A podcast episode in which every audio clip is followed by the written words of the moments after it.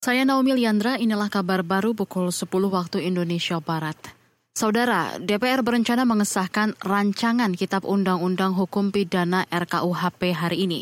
Dalam jadwal agenda yang dilihat KBR di laman resmi DPR, pengesahan RKUHP akan dilakukan di rapat paripurna pukul 10 pagi ini.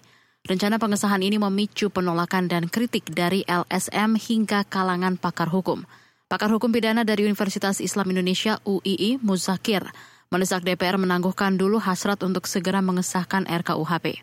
Sebab menurutnya masih ada beberapa catatan terkait beberapa pasal, di antaranya pasal penghinaan, penyebaran berita bohong, dan mengenai delik kesusilaan. Yang ketiga ini agak penting dan itu tidak terkait dengan semata-mata norma, tapi bagaimana sistematisasi di dalam perumusan perumusan pasal-pasal tindak pidana yang berasal dari di luar KUHP. Padahal kebijakan kebijakannya uh, dalam merumuskan RUHP itu kan paling tidak ada empat yaitu yang disebut sebagai rekodifikasi, restrukturisasi, terus kemudian reformulasi dan resistematisasi. Itu tadi pakar hukum pidana dari UII Muzakir. Gelombang unjuk rasa juga rencananya akan digelar di sejumlah daerah. Di Yogyakarta, demo akan penolakan RKUHP digelar di Tugu, Yogyakarta siang nanti. Kita ke lantai bursa. Indeks harga saham gabungan IHSG dibuka melemah 51 poin ke posisi 6.935. Kelompok 45 saham unggulan juga turun 10 poin ke posisi 968. Pada menit-menit awal, sebanyak 310 miliar saham diperdagangkan dengan nilai transaksi mencapai 280 miliar rupiah. Sebanyak 200, 120 saham menguat, 130-an melemah, dan 240-an bergerak stagnan.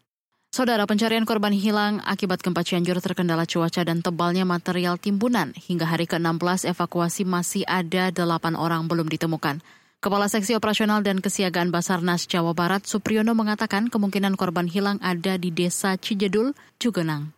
Tentunya cuaca dari hari ketiga sampai hari ke-15 pelaksanaan operasi SAR, cuaca lah yang berpengaruh utama karena mulai di jam 13.00 sampai 20.00 ini sudah durasi curah hujan yang berpengaruh terhadap pelaksanaan operasi SAR berakibat kita hentikan sementara Kepala Seksi Operasional dan Kesiagaan Basarnas Jawa Barat Supriyono menambahkan gempa susulan juga memperlambat proses pencarian korban hilang.